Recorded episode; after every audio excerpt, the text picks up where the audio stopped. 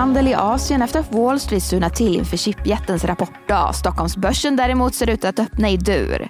Det är onsdag den 23 augusti. Du lyssnar på DI Morgonkoll och jag heter Sofie Gräsberg. Ja, de ledande asiatiska börserna pekar åt lite olika håll. I Sydkorea och Fastlandskina så backar de tekniktunga börserna Shenzhen och Kostak hela 1%. Medan breda Shanghai och Kospi är ner en halv procent. Uppgångar är det däremot i Tokyo och Hongkong. Om vi tittar på Nikkei så återfinns sojajätten Kikkoman och biltillverkaren Mazda i toppen av index. Medan sektorkollegorna Nissan och Mitsubishi är i botten.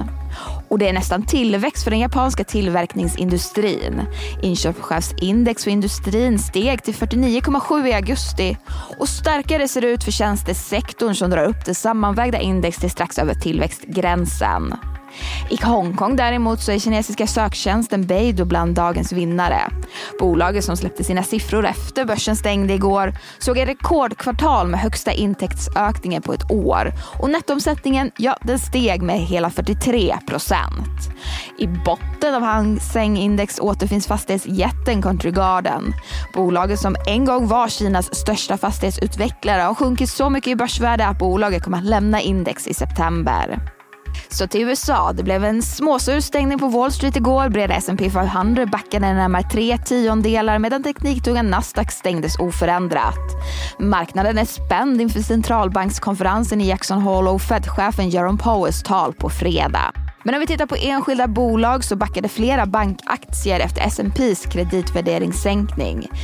K-Corp och Commercia som fick sina betyg sänkta tappade omkring 4 medan bland annat storbanken JP Morgan föll 2% och efter börsstängning idag så rapporterar chipjätten Nvidia.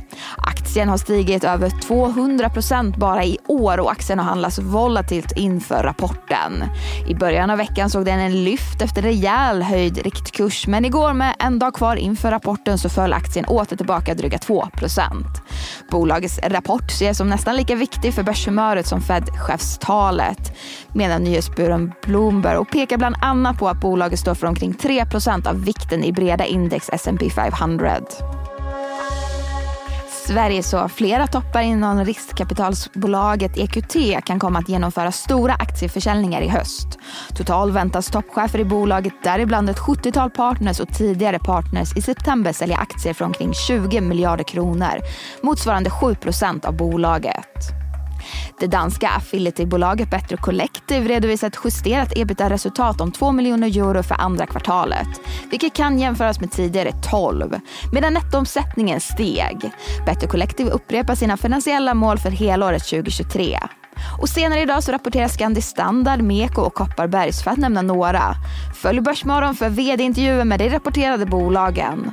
Och om vi tittar på dagens agenda, men ut i världen så väntas PMI för euroområdet såväl som USA.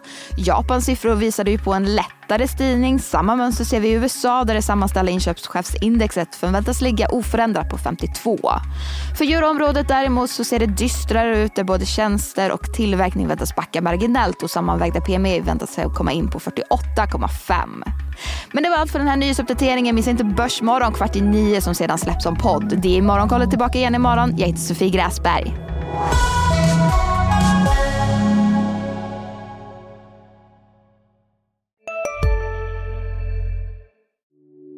Hej, Ulf Kristersson här.